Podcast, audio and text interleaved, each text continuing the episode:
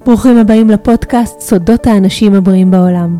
פודקאסט על תזונה, תודעה ובריאות אופטימלית. אני ליב עזריה, וכהאקרית של בריאות, אני חוקרת את הסודות של האנשים הבריאים בעולם.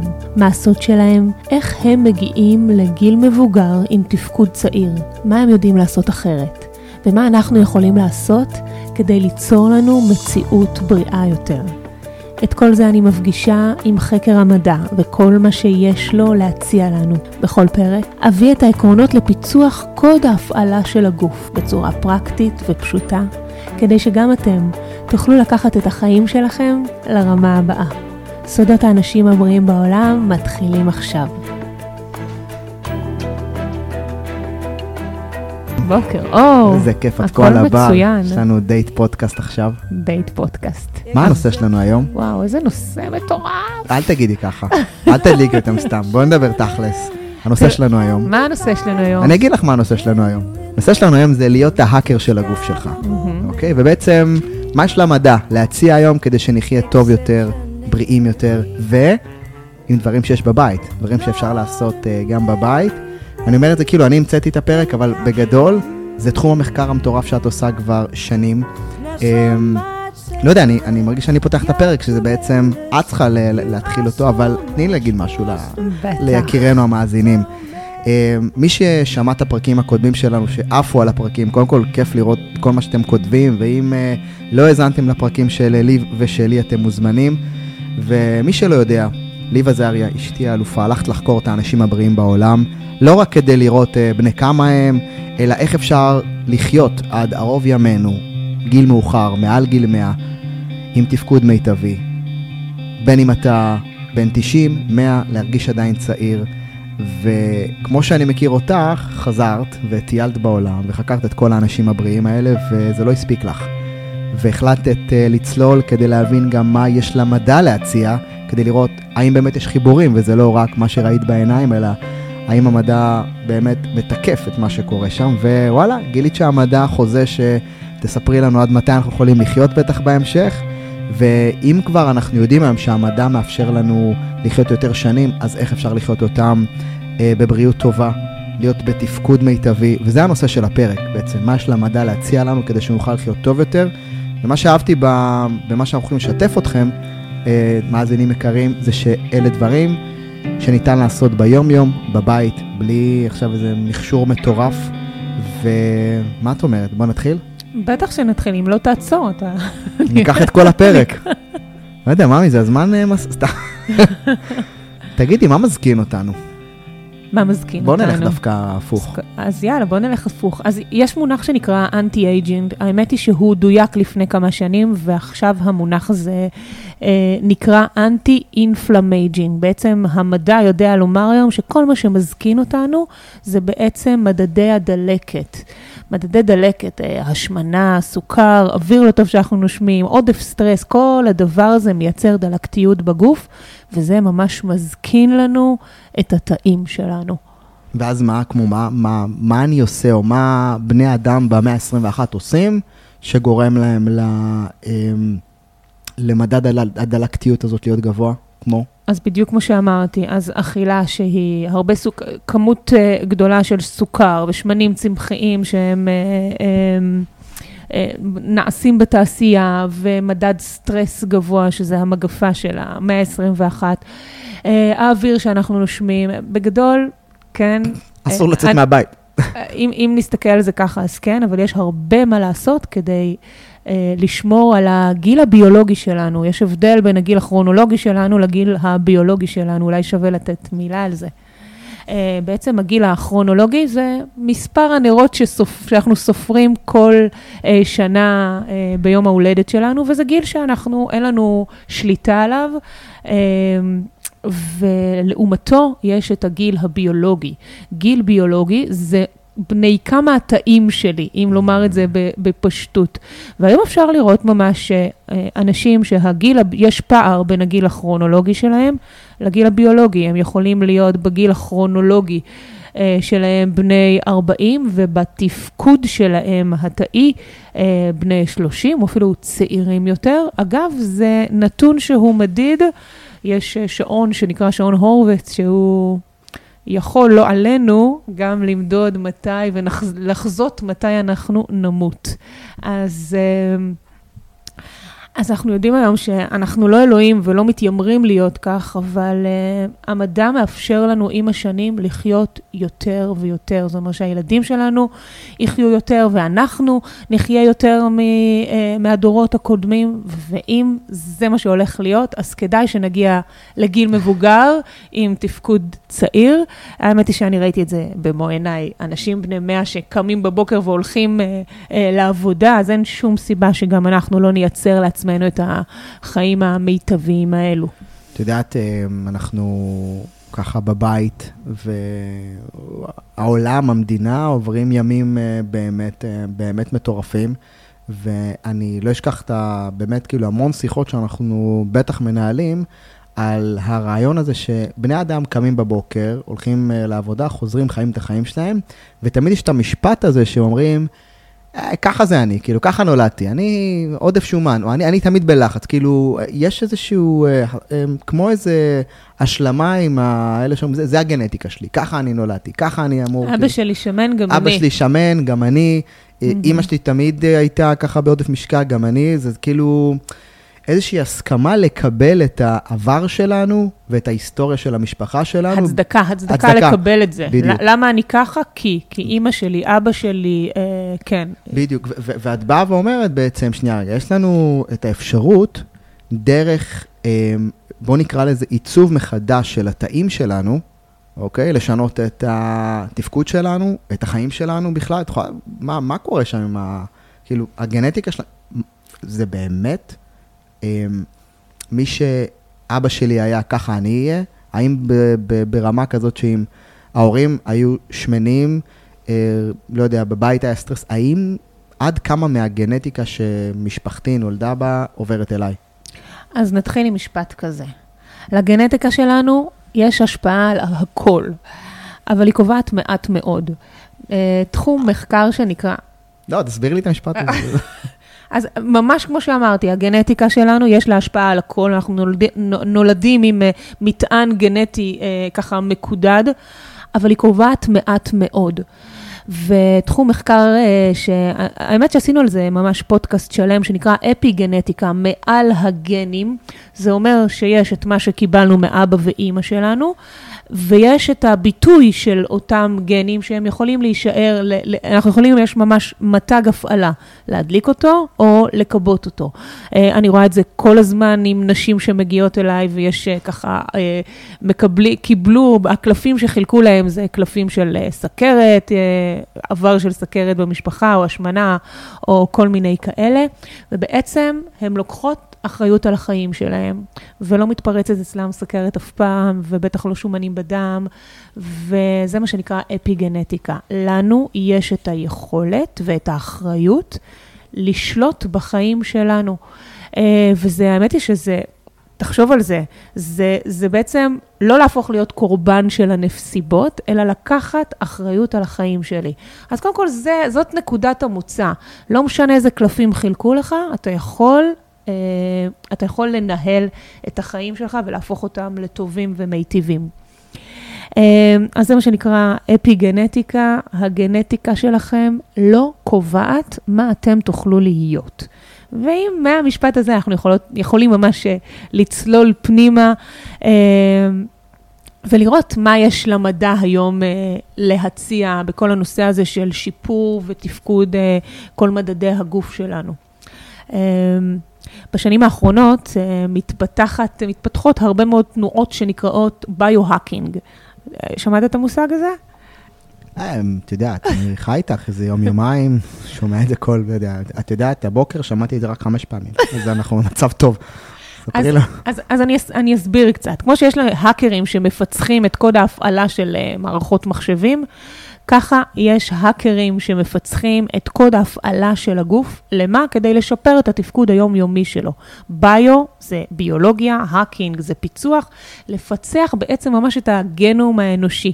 וכשאנחנו לומדות, לומדים את uh, קוד ההפעלה של הגוף ואיך אפשר לקחת את הגוף של, שלנו לרמה הבאה שלו, אנחנו בעצם בהכרח משפרים אותו, בהכרח מייצרים אנטי-אינפלמייג'ים, בהכרח uh, מעכבים את תהליכי ההזדקנות שלנו, שאגב, הם לא קורים בגיל 60 או 70, הם מתחילים ממש בגילאים הצעירים שלנו, כבר בגיל 25, 28, אנחנו כבר יכולים uh, לראות תהליכי הזדקנות בגוף שלנו. וואו. אז... Uh, אז, מה... אם, אז, אז אם אנחנו באמת רוצים להיות האקרים של הגוף שלנו, כן, מתוך ההבנה שמה שאנחנו עושים, כן, אוכלים, ישנים, ויטמינים שאנחנו מכניסים לגוף, כאילו לכל דבר שאנחנו עושים יש השפעה מרחיקת לכת. בעצם הביו-האקינג טוען שכל פעולה שאנחנו עושים, פעילות גופנית, שינה, חשיפה לאור, לאוויר, האזנה למוזיקה, קשרים חברתיים, וכל מה שאנחנו מכניסים לגוף שלנו, מזון, הורמונים, תרופות, לכל הדבר הזה, בעצם יש השפעות מרחיקות לכת על איך שאנחנו מרגישים, על התפקוד הפיזיולוגי שלנו, ובעצם על איך שנרגיש. הגוף שלנו זוכר, mm. התאים שלנו זוכרים. אה, ומהמקום הזה אה, אנחנו רוצות, רוצים להבין, כולם יסלחו לי שאני מדברת בלשון נקבה, נכון? זה... כולה, אמ, ברח לי? אוקיי, ומהנקודה הזאת אנחנו רוצים להבין איך כל אחד מאיתנו יכול להפוך להיות ההאקר של הגוף שלו. אז אם אנחנו כאן, ספרי לנו מהו הצעד הראשון שבו נוכל להתחיל להיות ההאקרים של הגוף שלנו, או במילים פשוטות ואחרות, זה איך אני יכול לשפר את התפקוד האנושי שלי, את רמת החיים, את אורח החיים, את ה... באמת, את לב ליבו של ה... את יודעת, הסיבה והמהות שהגענו אליה כאן. אה, את אה, מעבירה את זה היום לנשים קרייריסטיות בישראל, בעולם. אה, הם חווים את זה ברמה המשמעותית, אני רואה את זה בבית, אני ככה טיפה משתף איתכם. ובעזרת השם, אולי אפשר לעשות איזה ספוילר, אני יודע שאת לא רוצה, אבל על ההרצאה הקרובה שלך, או שעוד לא. איזה שאלה, בוודאי כן? שאפשר. אז, ואחד המושגים שמאוד אהבתי בהכנות שלך להרצאה, זה המושג הזה שנקרא הורמזיס, אני מכיר אותו ממקום אחר, אני אתן תכף אתה, אולי את הדיוק, אבל מה זה בעצם אומר, ואיך הוא באמת אחד, המפתח, אחד המפתחות המשמעותיים ל... לשיפור התפקוד האנושי שלנו, לחיים יותר בריאים, לעיצוב תא. שבאמת משאיר אותי גם חזק וגם חי לאורך שנים. אז אנחנו מדברים, אם אנחנו מדברים על קוד ההפעלה של הגוף, נכון? להפוך להיות ההאקרים של הגוף שלנו, אז מה שאנחנו רוצים לעשות זה בעצם לפתוח את השער לבריאות האופטימלית שלנו, אה, ובעצם אה, לגרום לגוף שלנו אה, להגיע לאותה אופטימיזציה שתשפר אותו. אז אחד המושגים המופלאים אה, שנקרא הורמזיס, שבעצם הוא אומר, מה שלא הורג אותך, משפר אותך. או מה שלא הורג אותך, מחשל אותך. אה, בעצם זה ביטוי שהגה ניטשה במאה ה-19, והוא ככה מתאר בצורה נפלאה את מה שיש למדע להציע היום. בעצם, מה זה ה hormesis? מדענים גילו שכשאני חושפת את הגוף שלי לסוגים, לסטרס מבוקר ויזום, אני בעצם מאפשרת לגוף שלי לשפר את עצמו ברמה התאית. אמ, עכשיו זה נשמע ככה סטרס, סטרס זה משהו רע, אבל כל עוד אני מאפשרת לגוף שלי, אני, אני קובעת איזה סוג של סטרס אני מייצרת uh, בגוף שלי, זה בעצם ממש מאיר גנים רדומים הישרדותיים שמאפשרים לגוף שלי להשתפר. תגיד שאתה רוצה את ה... תגיד שאתה רוצה לעשות הורמזיס. מי לא רוצה לעשות הורמזיס? זה חייב, זה כן. נשמע כמו חגורה בשנל. כאילו, זה, זה כזה יפה שבא לי לקנות הורמזיס, מרוב שזה... אז אוקיי, איך, מה, איך זה עובד? אז, אז, אמ, אוקיי. אז בעצם אנחנו מדברים על זה שחשיפה מבוקרת והדרגתית לסטרס מפעילה אצלנו את מנגנון הבקרה והתיקון של הגוף ברמה התאית. יש כל מיני סוגים שאנחנו יכולים לייצר בהם אה, הורמזיס, ו, אה, ו, ואנחנו דווקא נלך עכשיו על הדברים שאפשר כבר לעשות, אה, שאפשר ממש לעשות בבית. אז דבר הראשון זה חשיפה לקור. Mm. כן? Nice. אה, מי שמכיר אותי יודע שהדבר שאני הכי שונאת בעולם זה פשוט להיחשף לקור. צעקות שאני קיבלתי ממך בלונדון על קור. נ- נכון. נכון, אתה יכול לשתף אם בא אני לך. אני בטח לא שאני אשתף, מתביישת. תבואי וככה תספרי על קור, כאילו ממרומי... אה, תראה איזה ה- דרך עברתי. מאז שאני יודעת את ההורמזיס, אני נחשפת לקור. טוב, אני אשתף. תשתף. מגיעים ללונדון, ליב נכנסת, רוצה להתקלח, נכנסת, פתאום אני שומע צרחות, חשבתי הבניין נפל, החדר התמוטט, לא יודע מה קרה שם. בסך הכל היו מים קרים ולא היו מים חמים. והיום את מסיימת מקלחת עם אה, כמה? שתי דקות? מקלחת קרה? לגמרי. מה טוב בזה? אז תכף נדבר על זה. אז לא, אז עכשיו נדבר על זה. אז בעצם מקלחת, אה, מקלחות קרות, ואפילו אה, למדע יש היום מכשור טכנולוגי שהוא הרבה יותר מרק מקלחת קרה. אה, ומה שעושה בעצם הקור, הוא מפעיל את אותם גנים רדומים, שאגב, הם נקראים סרטואינים. הם מתעוררים במצב הזה שהגוף מרגיש שהוא בסכנה והישרדות. קור מאוד מאוד קיצוני, הגוף לא רגיל, הוא רגיל, אנחנו מורגלים במאה ה-21 בכלל לחיות בנוחות ובשפע ובחמימות. ואם אפילו אני אשאל אותך, לא, אותך זה לא חוכמה, אבל כל אחד מהמאזינים שלנו, או לפחות מי שלא נחשף לזה, מתי בפעם האחרונה היה לנו קר, אנחנו לא ממש נמצא את התשובה. כי כשקר אנחנו מפעילים מזגן, כשקר אנחנו מתלבשים טוב, אה, מאוד מאוד בחרדת קודש שהילדים יוצאים ולא שמו מעיל, אז אה, בעצם אנחנו, המקום הזה לא מאפשר לנו להשתפר. וכשאני מדברת על חשיפה לקור, זה בעצם לעשות את החשיפה הזאת ממש בהדרגה.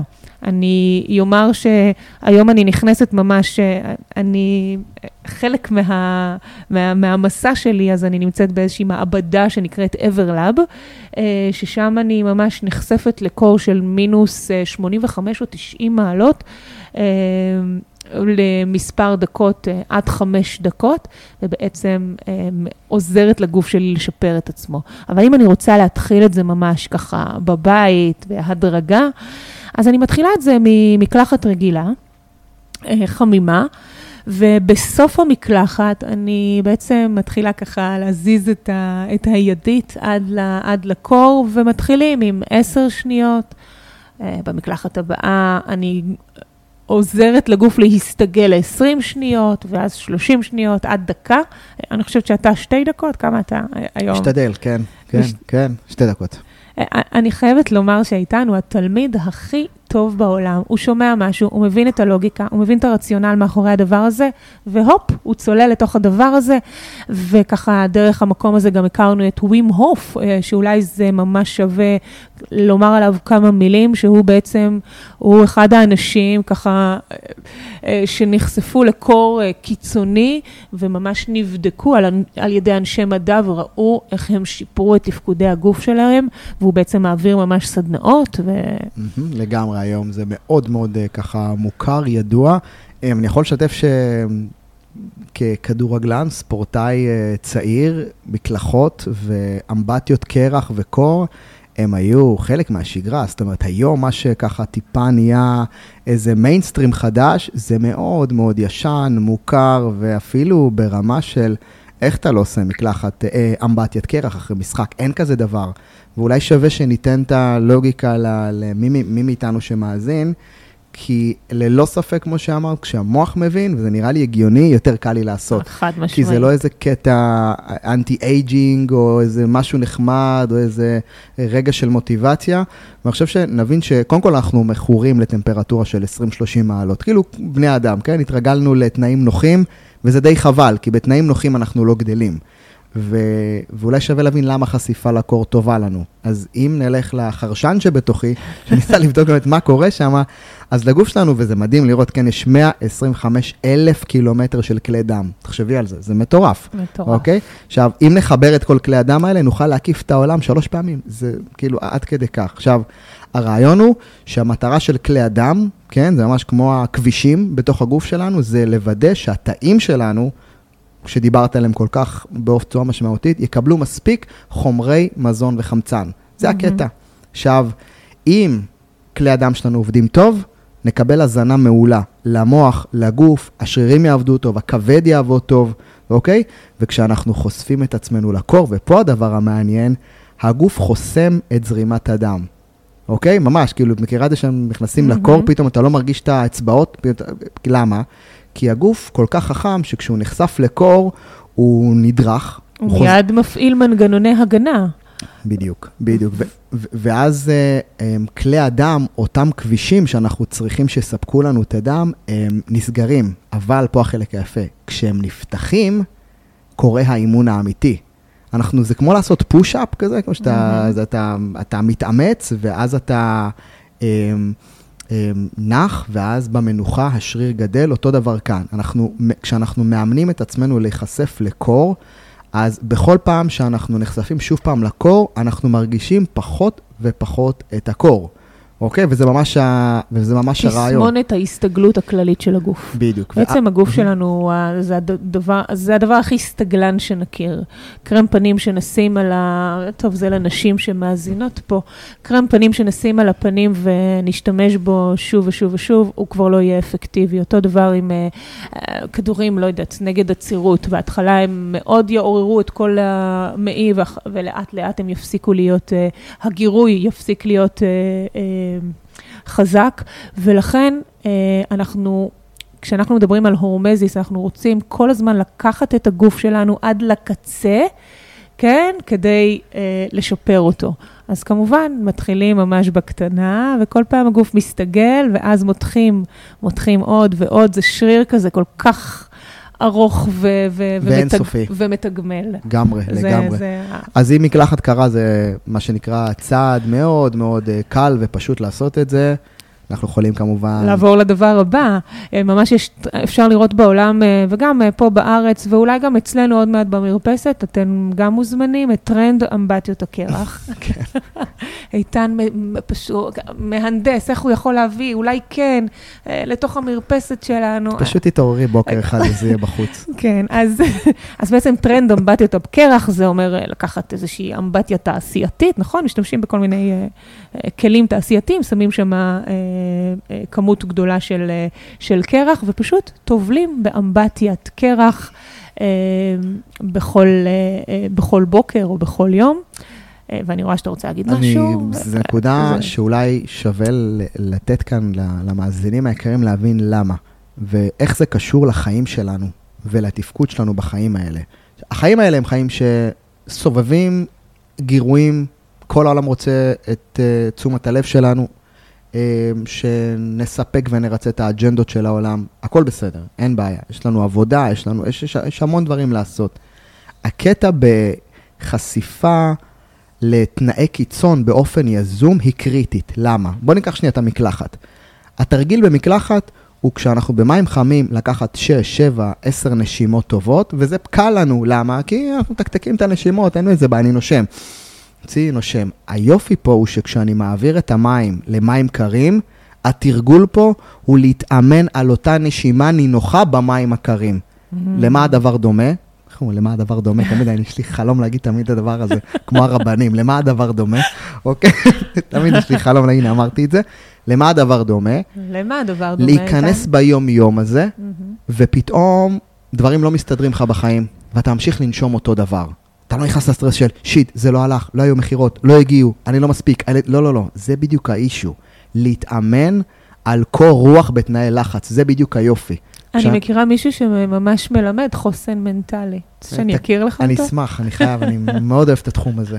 והיופי בחוסן מנטלי, חוסן מנטלי מפתחים באופן יזום. אני מביא את הגוף שלי למצב קיצון. אוקיי, אם דיברנו על מקלחות קרות, מן הסתם ה-next level זה כמובן להכניס את זה לאימון, אימון, אוקיי? להביא את הגוף למצב קיצון מאוד מאוד קצר, נכון. פיק מאוד מאוד של יכול להיות משקולות. ואם אפשר ממש להראות איך זה נראה, זה נגיד אני רצה ואני מרגישה שאני, הנשימה, אני, אני מרגישה שעוד שנייה אני מתעלפת, כן. שם, ש, שם קורה הורמזיס, שם. ה, ה, אותם גנים רדומים מתעוררים לחיים, הגוף מזהה סכנה. ואיזשהו כשל, ומתוך המקום הזה הוא מייעל ומשפר את עצמו. בדיוק. אימון, מה עושים ב... לא יודע מה, אה, טייסים, מאמנים אותם, לוקחים אותם למצבי קיצון, כדי שכשיגיע זמן אמת, הגוף יכיר כבר, ויהיה לו את תחושת ההסתגלות המהירה למצב. וזה בדיוק הרעיון, להביא את עצמנו באופן יזום, לסטרס, למצב קיצון.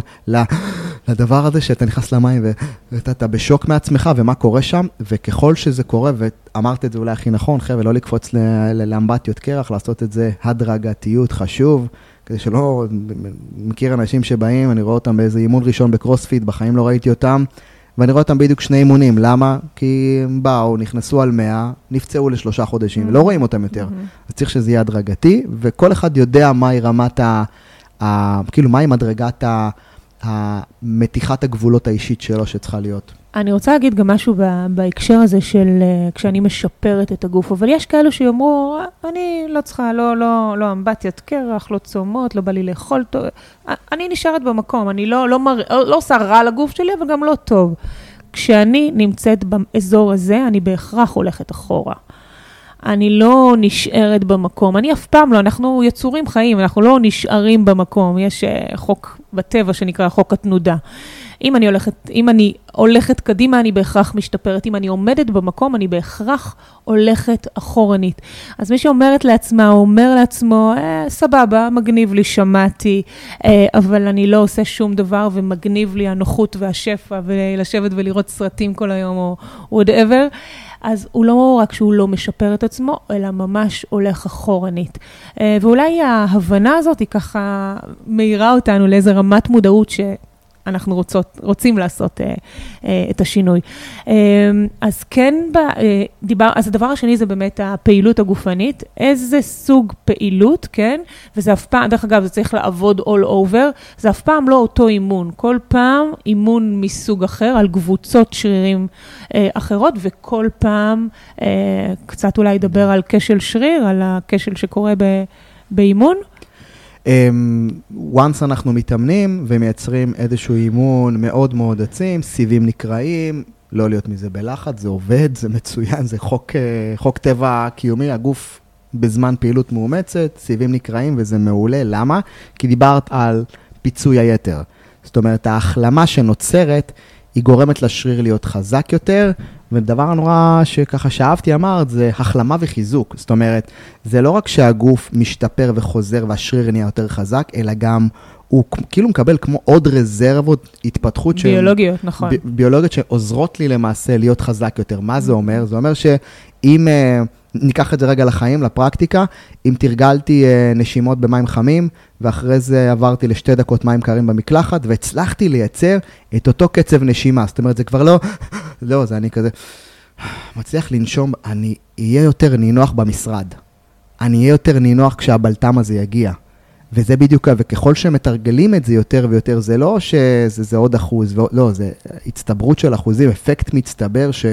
הוא יוצר חוסן נפשי ומנטלי, ואם יש משהו שאני אוהב ב, ב, בשיח הזה שאנחנו מעלים, שאלה דברים פרקטיים. מאוד פרקטיים. פרקטיים. פרקטיים. ופרקטיים, ולא רק שמשפרים את מדדי הפיזיולוגיה של הגוף, אלא באמת משפרים לו ואת המנטלי, את הקוגנטיבי שלנו, את המחשבה שלנו לגבי עצמנו, וכשזה מגיע, אז וואלה, אני יכולה לעשות הכי טוב עבור עצמי. אז זה הורמזיס, ואם אנחנו רוצים אולי עוד סוג של uh, הורמזיס, עוד סוג של מה שלא הורג אותך, מחשל אותך, uh, אז uh, אני אדבר על משהו שהוא אולי אחד הדברים העתיקים ביותר בכלל ב... בעולם, וככה כל הזמן המדע מוצא לזה עוד ועוד הוכחות, וזה בעצם צומות, סכין המנתחים של הטבע. Uh, הרבה פעמים אנחנו בטוחים שכדי ל, כדי, uh, ל, להירפא ממשהו, כן, יש לנו כאב ראש, אנחנו לוקחים אקמול, יש לנו uh, משהו אחר, אז לוקחים סוג של תרופה אחרת, או אם את, או שאני אקח את זה אפילו אחרת, אם, יש, אם חסר לך ברזל, תאכלי סלק, חסר לך זה, תאכלי זה, ואנחנו לא מדברים שנייה שהרבה פעמים תהליכי ריפוי uh, נעשים דווקא באי-אכילה. המקום הזה שבו אני לא אוכלת, אה, ואיתן כבר מכיר את המושג שאני מדברת עליו, אה, שנקרא ריקנות נעימה, שאתה חי את הריקנות הנעימה הזאת, תכף נדבר על זה. בואי. אה, יש עוד עבודה. אבל בעצם כשהגוף לא מקבל אוכל בפרק זמן ארוך ממה שהוא מורגל, הוא נכנס שוב פעם למצב של סטרס הישרדותי. אמ, האמת היא שצום ממש הוכח כמשפר את כל המדדים הביולוגיים ומאיץ תהליכי, את כל התהליכים של התיקון והריפוי של הגוף. ויותר מזה, כשאנחנו צמים, יש היום צומות שהם ממש ארוכים. יש את הטרנד של ה-12 שעות ושל ה-16-8. ויש צומות אפילו ארוכים יותר של 20 ו-30 שעות, שהם בעצם מייצרים בגוף מונח שנקרא אוטופגיה, ממש ככה, ממש כמו סל ריקון של תאים ישנים, ובמקומם תאים חדשים, והרי לך גיל ביולוגי משופר, מודל... אה, 2021. אז, אז, אה, אז כן, כמובן, ההצעה היא לא ללכת ולצום עכשיו 16 אה, או 20 או 30 שעות, אלא בעיקר, בעיקר להבין שהגבלה של שעות האכילה, אם פעם היו אומרים לנו, תאכלי כל שלוש שעות, נכון? תאכלי כל שעתיים שהסוכר לא יורד לך, היום אנחנו מבינים שדווקא הגישה, גם מי שרוצה נגיד אה, לשחרר משקל, הגישה למאגרי שומן, נמצא, נמצאת דווקא באזורים האלו שבהם אני לא אוכלת שום דבר, שבהם אני מאפשרת לגוף שלי מנוחה מפירוק של מזון. כשאני אוכלת, זה לא רק, אה, לא רק מערכת העיכול שלי פועלת, זה כל המערכות בגוף שלי מתגייסות כדי לעשות את הדבר הזה. ואולי זה מביא אותי גם לאזור הזה של שינה, שבכלל יש לנו על זה פודקאסט שלם. אה, ש, שבשינה גם כן נעשה כל התיקון והשיפור של הגוף, כי בשינה אני לא, אני לא אוכלת. ולכן ההמלצה היא, דרך אגב, אה, גם לפני השינה, לא לצרוך בטח לא מזון שהוא עתיר שומן או אה, עתיר סוכרים כדי לא להפריע לשינה, לכל מחזורי השינה. יש מחזור שינה סופר חשוב שנקרא אה, שנת הרם, אז צומות זה אחד ה... ה, ה, ה, ה האמצעים שלנו לעשות ממש בבית, ואפשר להתחיל ממש מ-12-12. 12 שעות שאני אוכלת, אה, ו-12 שעות שאני לא אוכלת. ולפעמים זה נשמע מה זה גדול, כי בתור מי שאנחנו אה, בעולם הזה פותרים כל דבר עם אכילה, זה נראה 12 שעות, מ-8 בערב, אה, לשבת מול הטלוויזיה ולא לאכול כלום, וזה כל כך כל כך אפשרי. ושוב, תסמונת ההסתגלות הכללית, ככל שאנחנו אה, עושות את זה יותר ויותר, אנחנו יכולות להגיע לשלב הבא והבא והבא, ואז לעשות כבר 16-8, ומי שרוצה לקחת את זה הלאה, אז בוודאי אה, שלוקחת. אה, ו... לא יודע, אולי זה המקום אה, לספר שאחד הדברים שאני אה, אשתף עליי, ושיתפתי את זה נראה לי בפרק קודם, שאני היה לי את ההרגל כספורטאי, כאילו אותי לימדו לפני השינה, קח את הפרוסה שלך, שים לך קצת דבש, אתה תישן טוב. מגיל אולי 13, זה נכון. כאילו חינוך של... ואז התחתנו, והיה בא למיטה. ואז התחתנו, והייתי בא למיטה עם ה... עם כריך, למה אני דבש. ספורטאי, לא משנה שפרשתי, ספורטאי בראש, אני בא עם הזה שלי. ואז העשן יוצא לי מה... כי הוא מלכלך את המיטה בלילה, אבל... מעבר לזה. ואז אני קם בשתיים לנקות את הפירורים. תגיד, לא, אתה חושב שזה פודקאסט, זה גם טיפול זוגי קצת, לא? אני חייב לשתף שקיבלנו כמה אה, הודעות. אה, לעשות פרק על הזוגיות שלנו, אז אנחנו אולי ניתן איזה ספוילר שאנחנו חושבים על זה. לא יודעים אם אתם רוצים לדעת הכל, אם נשתף אולי לא תאזינו יותר, אבל סתם. אה, נצטרך פשוט להחליף מקצוע, לעשות רק פרקים כאלה. אז אולי זה יקרה, אבל כן אני אשתף שבאמת המושג ש... שהבאת הביתה, שנקרא לסגור את המסעדה, הוא מושג שאנחנו מתאמנים עליו. אנחנו מתאמנים, אני אומר, כי גם הבנות, הבנות מבינות יודעות. שיש את ארוחת ערב, אחרי זה לא באים. ל... המקרר נסגר. המקרר נסגר, המטבח נסגר, אבל... ובוא נגיד שיש לנו ילדה אחת שהיא סופר גרגרנית, ו... והיא כאילו, כל דבר תמצא כתירוץ אה, לאכול. אז אה, ברגע שהיא יודעת שהמקרר נסגר, אז הדבר היחידי שהיא יכולה לאכול זה תפוח. אז כל פעם היא, כבר זה נהיה לה הרגל, כי הרגל כמו הרגל. אה, אז היא מסיימת את הארוחה, ואז היא מגיעה בשעה שמונה, שמונה וחצי, היא אומרת, אמא, איפה המנה של התפוח שלי? היא מקבלת את זה ככה בכוס. אה, והנה, הרגל. אז איך אתה שינית את ההרגל הזה? אני חושב שקודם כל לא חשבתי שאני אסיים ארוחות בארבע או בחמש ואני ארגיש סבבה עם זה. הקטע הוא לא באמת בלעשות צומות, הקטע הוא בלא להרגיש שאתה... אה, כאילו חי חיים מסכן, מסכן כזה שהפסיק כן. לאכול אלא. אני חושב שאם אנחנו מבינים את הבנפיט שזה נותן לנו לגוף, ואם אני מסיים. ארבע, חמש או שש, ויש ימים שאני גם אוכל בשמונה כי אני, כי אני רעב ויש לי למחרת נכון. ריצה ארוכה, אז אני אוכל בשמונה. אבל הרעיון הכללי של לתת לגוף שלנו מספיק זמן לפרק את, ה, כאילו, לתת לו רגע שנייה את הספייס שלו להתחדש. הגוף שלנו, חוכמת הגוף שלנו היא כל כך גאונית שאנחנו, כאילו הגוף שולח לנו וואטסאפ ואנחנו לא רואים, ובוואטסאפ הוא כותב, נשמה, אל תתערב לי עשר שעות, תן לי לעבוד רגע, אנחנו לא נותנים לו לעבוד, לא נותנים לו לעבוד. ממש ככה, אז אם אני רוצה, דיברת על הבנפיט של uh, הגבלת שעות האכילה, כי אנחנו רוצים להבין למה, ואז מאוד קל לנו לעשות את זה. אז בעצם הגבלה של שעות האכילה מביאה אותנו לירידה ברמות הסוכר ובמדדי דלקת שדיברנו עליהם בהקשר של הזדקנות. ובניצול בשריפת שומן, יש לגוף גישה למאגרי שומן, כאשר אני לא מאביסה עליו במשך היום כל כך הרבה אוכל, ושיפור בתפקוד כל חיידקי המעיים שלנו, שזה נמצא בחזית המחקר אה, אה, של הבריאות, וירידה ברמות שומנים בדם, ובעצם תגובה לצום, אנחנו יכולים לראות שיפור בכל מדדי הגוף שלנו, וזה לא רק בהיבט, דרך אגב, של אה, ירידה במשקל או שחרור משקל, אלא ברמה של הר... הריכוז שלי ביום שאחרי והאיזון ההורמונלי שלי, בעצם כשאני מאפשרת לגוף שלי לתקן את עצמו, אני קמה הרבה הרבה יותר מאוזנת הורמונלית, אה, ויש היום הרבה סוגים שאפשר לעשות אה, צומות, יש, אה, אחד זה אוקיי, okay. אחד הסוגים זה בעצם הגבלת שעות האכילה, שנקרא time restricted feeding, ואז בעצם אני מגבילה את שעות האכילה שלי משעה כזאת עד שעה כזאת אני אוכלת, ומהשעה הזאת עד השעה... אה, עד הבוקר אני לא אוכלת, כל אחד גם איך שנוח לו, או שיש אפילו one meal a day, ממש ארוחה אחת ביום, שזה גם כן איזשהו אופן ל- לאפשר לגוף שלנו אה, זמנים, לתווך אותם בין זמני אכילה לזמני אי אכילה. אבל העיקר, שאני אאפשר לגוף שלי לעשות את, ה, את ההסתגלות הזאת מחדש. חיינו הרבה שנים על המקום הזה שבו לא לשכוח לאכול כל שלוש שעות וכל מיני כאלו שזה מפרק שריר, אם לא תאכל מספיק זמן ואם לא תאכל מספיק ארוחות, ולאט לאט אנחנו רואים שהדבר הזה מקבל את הצורה האחרת, וחשוב שנדע את זה. לגמרי, לגמרי, ואני חושב שאנחנו פותחים פה איזשהו נושא שבאמת אה, לא פתאום לאכול ארוחה ביום ולא פתאום לסיים ארוחה ב-12, אלא באמת להתחיל לבחון, וזה, וזה הרעיון של להיות ההאקר של הגוף שלך, זה להיות סקרן לאיך אני באמת משדרג כל פרמטר בגוף שלי, כל פרמטר ב- ב- בחיים שלי, וזה יכול להתחיל בכרית שהיא לא טובה, וזה יכול להימשך עד לכמות המים שאני שותה.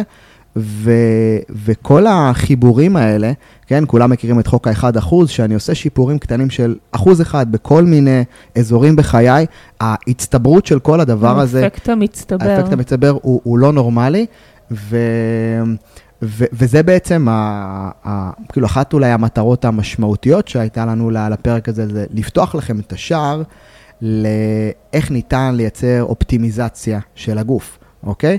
וברמה המנטלית, אופטימיזציה נוצרת על ידי היכולת שלנו להיות במקום אופטימלי.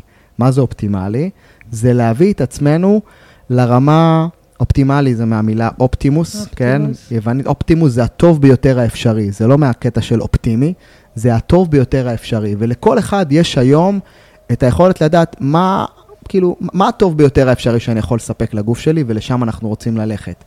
אז uh, עשיתי פרומו ואני רוצה, אני, אני, אני מת שתספרי קצת על, ה, על ההרצאה. מה, מה הולך להיות שם? כאילו, מה, לאן זה הולך? זו פעם ראשונה. אני רואה את ההתרגשות שלך בבית, איך זה, איך זה נראה, ואת 400 אה, דפים ככה, הדפסות, כרתנו עצים. מה, מה, לאן זה הולך? כי אני... אז אני, כן, אני, זה מרגש אותי. אני מעבירה תהליכים לאלפי נשים בארץ, בעולם, עם התכנים האלו. וזה בעצם הנושא שהוא בתשוקה הכי בוערת שלי. אה, לא סתם עזבתי את כולם ונסעתי לי ליפן וסרדיניה ואיקריה כדי לראות במו עיניי אנשים שבאמת יכולים לחיות עד גיל מבוגר בתפקוד צעיר.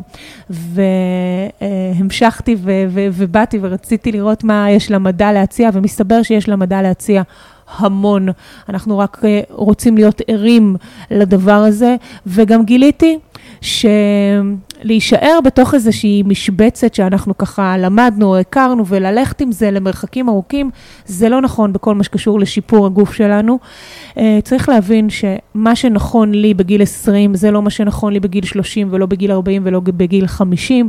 לכל גיל יש את התזונה המתאימה לו, את הסוג פעילות המתאים לו, את החשיבה האחרת, ובעצם לא להיות מקובעים, כי כמו שהמדע מתפתח, גם אנחנו מתפתחות, וזה ממש בסדר אם פעם חשבתם ככה וזה עבד לכם, ואחר כך, אה, אה, והיום אנחנו, אפשר לפתוח את הראש לדברים אחרים וזה יעבוד, ושוב פעם, לזכור שהגוף שלנו, הוא, בכלל רציתי לדבר על ההרצאה, אבל אני רוצה לתת כל כך הרבה. Uh, הגוף שלנו הוא, הוא סטגלן, הוא, אם תיתנו לו אותו דבר במשך הרבה מאוד זמן, הוא יגיד לכם, הלו, אתם שומעים? תנו לי משהו אחר כדי שאני אשפר את עצמי. זה מין משהו שעובד uh, דו-כיווני. אז uh, מה אני עושה בהרצאה? אני פשוט מעמיקה את כל התכנים שדיברנו, וכמובן עוד טכנולוגיות, ו- ונכנסת כבר לפרקטיקה העמוקה של הדברים. מה אני אגיד לך, אני מתרגשת. אני גם, אני כאילו, יאללה כבר, שזה, שזה, שזה יצא, שזה יקרה, אני כן. בטוח ש... אה, זה תכף קורה. זה, דרך אגב, זה כבר קרה, אנחנו עכשיו רק מוצאים את ה... לגמרי, אני חושב שהעולם ייהנה, ואולי, אה, אני חושב שאולי נרצה להוציא, רגע לפני שאנחנו מסיימים ככה את, ה, את הפרק, אה, לתת לכם, המאזינים שלנו, אנחנו מאוד מאוד מאוד אה, מאיצים ורוצים שהפרקים האלה לא יישארו רק באוזניים, אלא גם ירדו למטה, לתוך הגוף, לתוך העשייה שלכם. אז בואו נסכם לכם, והיינו רוצים שתבחרו דבר אחד שתתחייבו לעשות היום, לעצמכם. כן, זה רק אתם ואנחנו פה, אף אחד לא שומע, זה איך אומרים, זה האמת שלכם מול עצמכם. אז ככה, דיברנו על גנטיקה, מתוך ההבנה שהגנטיקה שלכם לא קובעת מה תוכלו להיות. קודם כל, תהיו רגועים, יש אפשרות להשתנות לכל דבר שאתם רוצים. אוקיי? האופן לעשות את זה, דיברנו על כמה דברים, ואולי קחו את הבחירה. אחד, מקלחות קרות או חשיפה לקור, אוקיי. Okay. אולי לפני, זה בעצם האחד, להבין שהגוף שלנו זאת מכונה כזאת, שאנחנו מביאים אותה לקצה, היא משפרת את עצמה. אז לא להישאר במקום. ומפה, מהנקודה הזאת, לכו תראו מה אתם, מה אתם עושים. אז דיברנו על מקלחות קור, ודיברנו על uh, סוגים מסוימים של, uh, של, של אכילה, uh, ודיברנו על פעילות uh, גופנית, איך ל- להביא את עצמנו עד לקצה, כדי באמת לשחרר את אותם uh, סירטואינים, אותם גנים הישרדותיים שעוזרים לנו uh, לשפר את הגוף שלנו. דיברנו על צומות. Uh, שהם גם סוג של uh, uh, מאירי גנים מעריכי חיים. ודיברנו על לא להיתקע אה, בחשיבה שלנו, על משהו שלמדנו לפני שנה, שנתיים או עשר שנים ועבד לנו, כי כל גיל יש לו את ההתפתחות משלו, יש לו את התנאים שהוא זקוק, אה, וכדי להשתפר, אני כל הזמן רוצה להיות בתוך הסקופ, בתוך המודעות הזאת של איך להביא את המצב, את הבריאות שלי למצב הכי אופטימלי שהוא יכול להיות. איזה כיף. אלופים. מקווה שנהנתם. ליב, יפה שלי, אלף תודות על ה... מה זה, זה העונג כולו שלי. טסה לנו כמעט uh, שעה. תכתבו לנו, מה בחרתם לעשות? מהו ה... Um, האורמזיס שאתם יצרתם לעצמכם, היכולת שלכם לצאת מעבר לאזור הנוחות שלכם. בפעם הראשונה שאני uh, ככה התחלתי ללמוד את uh, כלי האימון המנטלי בכלל, אז אני חושב שאחד המשפטים ש... פסיכולוג שאני מאוד מאוד מעריך, והוא גם היה ספורטאי בינלאומי מטורף, הוא אמר לי, כל הקטע is to feel comfortable being uncomfortable. להתחיל להרגיש בנוח בסביבה לא נוחה. וככל שאנחנו קופצים לסביבה לא נוחה, ממש כאילו למדרגת הקושי הבאה שלנו, וקולטים שהשד הוא לא כזה נורא. פתאום בסדר, לעשות עשר שניות מקלחת קרה, אוקיי, בקטנה קצת קשה, אוקיי. לרוץ, אמ, פתאום קצת יותר מהר לדקה ולעצור, אוקיי? או להרים משקל קצת יותר חזק ולהרגיש את הקושי להישאר שם ולהוריד את המשקולות, אוקיי? או פתאום להפסיק את ה... לעשות את הארוחה האחרונה בשש ובתשע המוח שלך מתבלבל, לא כי אתה רעב, אלא כי אתה רגיל לאכול, ולהגיד, שנייה רגע, אני לא באמת רוצה לאכול, אני רגיל לאכול בשעה הזאת, שם קורה הקסם. וההזמנה שלנו אליכם היא לחפש את הדבר האחד הזה, שאולי אתם רוצים היום בערב לעשות ארוחה אחרונה בשבע, ללכת לישון על בטן ריקה וטובה, אולי זה המקלחת, אולי זה כולם, תכתבו לנו מה עשיתם, או מה תכננתם, ואיך זה עבד לכם, אנחנו יותר נשמח, ואנחנו יותר ויותר ככה, אה, כמובן שנעדכן אתכם בהרצאה של ליב כשהיא תצא ממש ממש לפועל, אנחנו נזמין אתכם. אם אתם רוצים עוד uh, תכנים מדהימים שליב כותבת עליהם בנושא הזה, האינסטגרם שלה הוא אחד היפים, אבל מעבר לזה, התכנים שם לא נורמליים, אני ממליץ uh, להיכנס. ליב עזריה, פשוט מחפשים באינסטגרם, מוצאים. הביולוגיה של הווינרים, אנחנו כל הזמן חושבים איך לשדרג ולשפר אתכם, אז אנחנו מקווים שנהנתם גם מהפרק הזה. לי, מילים אחרונות לזה, יפה שלי. אמרתי מלא מילים אחרונות, אני נהניתי בעיקר, אה, ושולחת באמת את כל המאזינים פה, לראות איפה הם יכולים אה, לשפר את עצמם אה, בכל ההיבטים. זהו, רק שתהיו לנו בריאים. אמן, אמן, אמן. שיהיה לנו שבוע מדהים, נתראה בפרק הבא, באלופים. Exceptionary No dictionary can define what's genuinely indescribable, very exceptionary. No ordinary phrase can capture you. Now,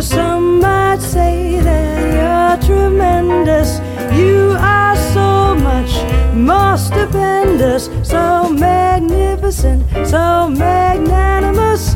If we voted, it'd be unanimous. Very exceptionary.